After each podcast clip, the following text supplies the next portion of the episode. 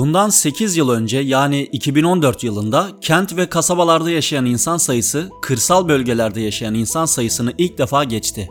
1960'lı yıllarda ise durum tam tersiydi ve dünya nüfusunun yalnızca üçte biri şehirlerde yaşıyordu. Bakıldığında inanılmaz hızlı bir dönüşüm olduğunu rahatlıkla görebiliriz.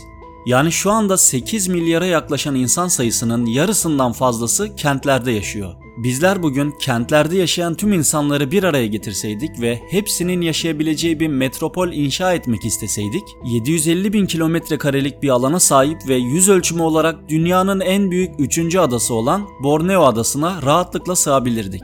Bundan 5500 yıl öncesine uzanırsak da kentlerde kimsenin yaşamadığını yani henüz kentlerin kurulmadığını görürüz. Köyler çok uzun zamandır varlıklarını sürdürseler de henüz hiçbiri şehir kadar karmaşıklığa ulaşamamıştı. Peki bu uygarlaşma eylemi nerede ve ne zaman gerçekleşti? Bu soruyu cevaplayabilmemiz için yazıyla başlayan tarih eşiğini geçip biraz daha gerilere, 6000 yıl öncesinden daha ötelere gitmemiz gerekir. Bu dönemde hepimizin bildiği gibi henüz yazı icat edilmemişti ve taş devrinden metal devrine henüz geçmemiştik. Fakat genel görüşe göre Mezopotamya'da Fırat ve Dicle'nin geçtiği bereketli topraklarda ilk kentler kurulmaya başlanmıştı. Bu şehirlerin hepsinin atası da Sümerlerin Uruk kentiydi. Fırat Nehri'nin kıyısında suya yakın bölgelerde şehir kurulması mantığıyla kurulan bu yerleşim yeri önce 8000'lerde yeşermeye başlamıştı. Uruk kenti önce 3500 yıllarındaysa 2,5 kilometre kareye yayılmış ve büyük olasılıkla birbirlerini şimdiki gibi pek tanımayan 50 bin insandan oluşan bir nüfusa sahipti. Eğer zamanda geriye gidebilseydik, idari ve mali sistemleri olan bu işlerin yapıldığı büyük binalar ve din dışı kamu binalarını görebilecektik. Zaten bunlar bugün de büyük kentlerin ortak özellikleri arasında. Yine Uruk'ta idari merkezleri, yerleşim bölgelerini, pazar yerlerini ve çöplükleri birbirinden ayrılmış alanlar olarak görebilirdik. Ancak bu şehirde yokluğu bariz olarak gözümüze çarpacak bir şey olarak ulaşım ağını görmemiz mümkün olmayabilirdi. Eşekler ve atlar evcilleştirilmişti ama tekerlek henüz icat edilmemişti. Tarihlenmesi pek mümkün olmayan kil tabletlerde ise Uruk kentinde tekerlekli araçlar yerine sürüklenmek üzere tasarlanmış kızak benzeri araçların olduğunu görüyoruz. Neyse biz şehir yaşamına devam edelim. Uruk kentinde zamanla tarımdan elde edilen ürünlerin fazlası bazı kişilerin çiftçiliği bırakıp demircilik gibi başka mesleklerle uğraşabilmelerine olanak vermiş. Böylece iş bölümü yapılması yavaş yavaş ama kaçınılmaz olarak zanaatkarların kendilerinde olmayan becerilere sahip diğer zanaatkarların yakınında toplandığı kentsel bölgelenmelere neden olmuş. Yani Uruk bütün bu yanlarıyla yalnızca kendisini kentleştirmemiş, Mezopotamya'da başka kentlerin kurulmasına ve oralarında gelişmesinde kentleşme dalgasının kaynağı olmuş. Fakat Uruk şehrinin ilk olma özelliği kuzey illerinde son yıllarda yapılan keşiflerle gölgelendi. Kuzey derken Uruk kentinin kuzeyinden yani Suriye'nin doğusunda bulunan Hamukar kentinden bahsediyorum. Burada batılı arkeologlar yaptığı araştırmalarda kentleşmeye dair Uruk kentinden daha eskiye tarihlenebilen kesin kanıtlar ortaya koydular ve bu da diğer arkeologları ciddi ciddi yeniden düşünmeye etti. Zaten bilim de böyle çalışır. Bir gerçeğe ulaşma çabası olarak düşünüldüğünde tutup da Uruk en eski yerdir kardeşim aksini iddia eden karşısında beni bulur falan diye konuşamazsın. Gerçi günümüz Türkiye'sinde tartışma programlarına çıkan sözde profesörler böyle yapıyor değil mi? Neyse Şimdi arkeologlar 1920'lerde yaptıkları çalışmalarda Hamukar'ı zaten bir kent olarak hatta Uruk'tan kuzeye doğru yayılan kentleşme dalgasının yarattığı ikincil bir kent olarak tanımlamışlardı. Ama son dönemlerde yapılan kazılarda Hamukar'ın Uruk'tan çok daha önce kentleştiğini görüyoruz. Hatta burası milattan önce 3700 gibi erken bir tarihte bile 12 hektarlık bir alanı kaplıyormuş ve savunma surlarıyla çevriliymiş.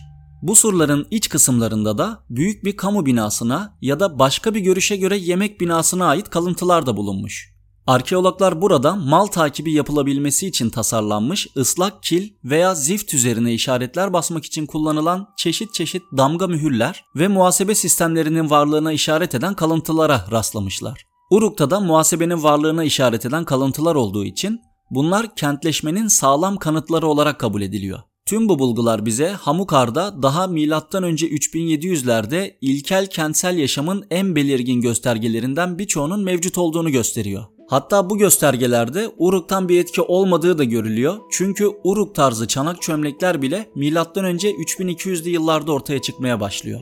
Yani Hamukarlıların Uruklulardan bağımsız ve hatta habersiz olarak onlardan 500 yıl önce kentleştiğini söylemek mümkün. Muhtemelen bunlardan daha eski bir kent var. Bu da Suriye'de bulunan Tel Brak kenti. Burası da 1,5 metrelik surlarla çevrilmiş, az önce bahsettiğim damga mühürleri olan, muhasebe sisteminin geliştiği, çanak çömlekleri olan ve inanılmaz ölçüde bir yapının kalıntılarını bizlere bırakmış olan bir yerleşim yeri.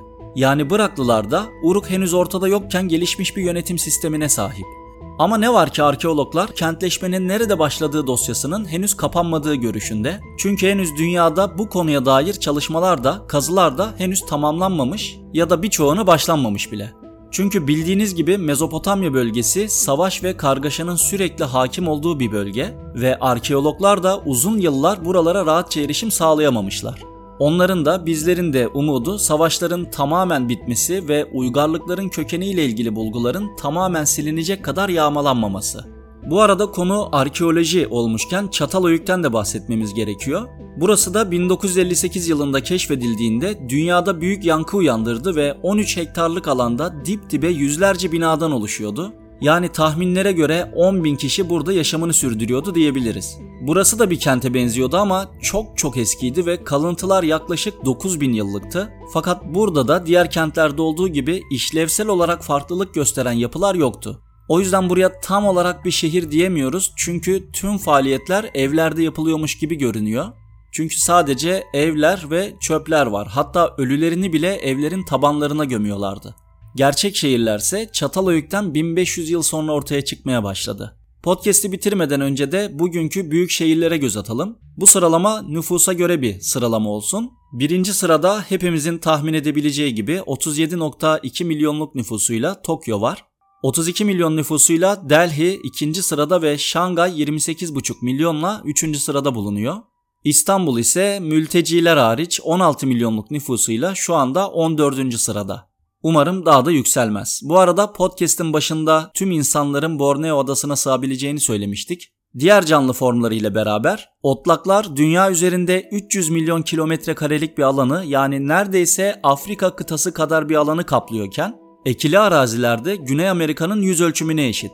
Dünyanın geri kalanı ise yaban yaşam alanları, ormanlar, çayırlar, tundralar, çöller ve buzullarla kaplı. Bu haftalık podcast'imizde bu kadar. Herkese iyi haftalar diliyorum. Daha sonraki podcastlere ulaşabilmek için YouTube kanalıma abone olabilir veya podcast platformlarından da beni takip edebilirsiniz.